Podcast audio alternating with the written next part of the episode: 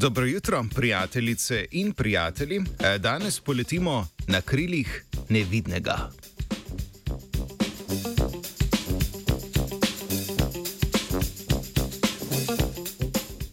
V današnjem znanstvenem Britofu bomo pozornost namenili preučevanju prozornih kril metuljev, ki se ga je lotila skupina ameriških znanstvenic in znanstvenikov.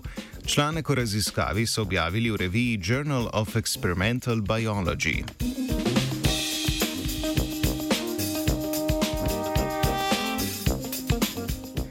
Krila odraslih metuljev so znana po svojih običajno barvitih vzorcih, ki jih ustvarjajo tanke, strehasto prekrivajoče se hitinske luske. Te vsebujejo pigmente, ki z absorpcijo in odbijanjem določenih valovnih dolžin svetlobe ustvarjajo barve, ki jih vidimo, za vrstno specifične vzorce pa poskrbijo dobro organizirana vlakna citoskeleta kril. Obstajajo pa tudi metulji, ki so za maskiranje pred plenilci ubrali drugo taktiko in so razvili prozorna krila, ki svetlobo prepuščajo.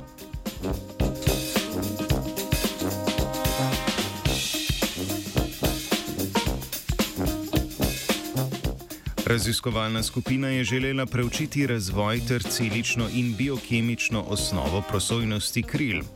Za raziskovanje so uporabili metulje vrste Greta Otto, ki živijo v srednji in severnih delih Južne Amerike.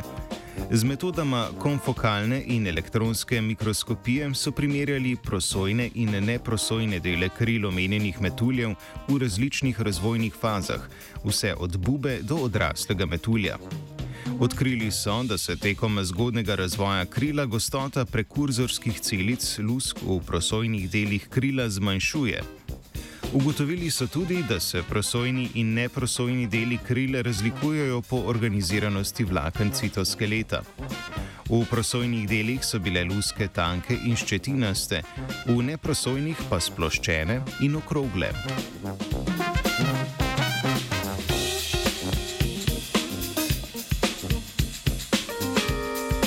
Opazili so tudi, da so nanostrukture, ki so prisotne na površini membrane krila, zgrajene iz dveh plasti. V spodnji plasti so pravilno razporejene bradavičaste nanostrukture, v zgornji plasti pa nepravilno razporejene voskaste nanostrukture, sestavljene pretežno iz dolgoverižnih alkanov. Raziskovalke in raziskovalci so z metodo optične spektroskopije merili od kril odbito količino svetlobe in sicer pred odstranitvijo zunanje voščene plasti s heksanom in po njej.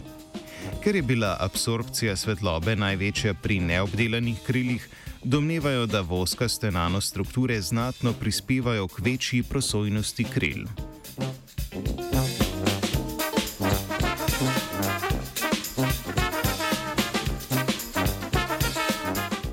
V organiziranost prosojnih kril pri metuljih kliče po nadaljem raziskovanju prosojnih struktur pri preostalih kopenskih živalskih vrstah. Lahko pa služi tudi kot navdih za razvoj novih umetno izdelanih materialov s podobnimi lastnostmi.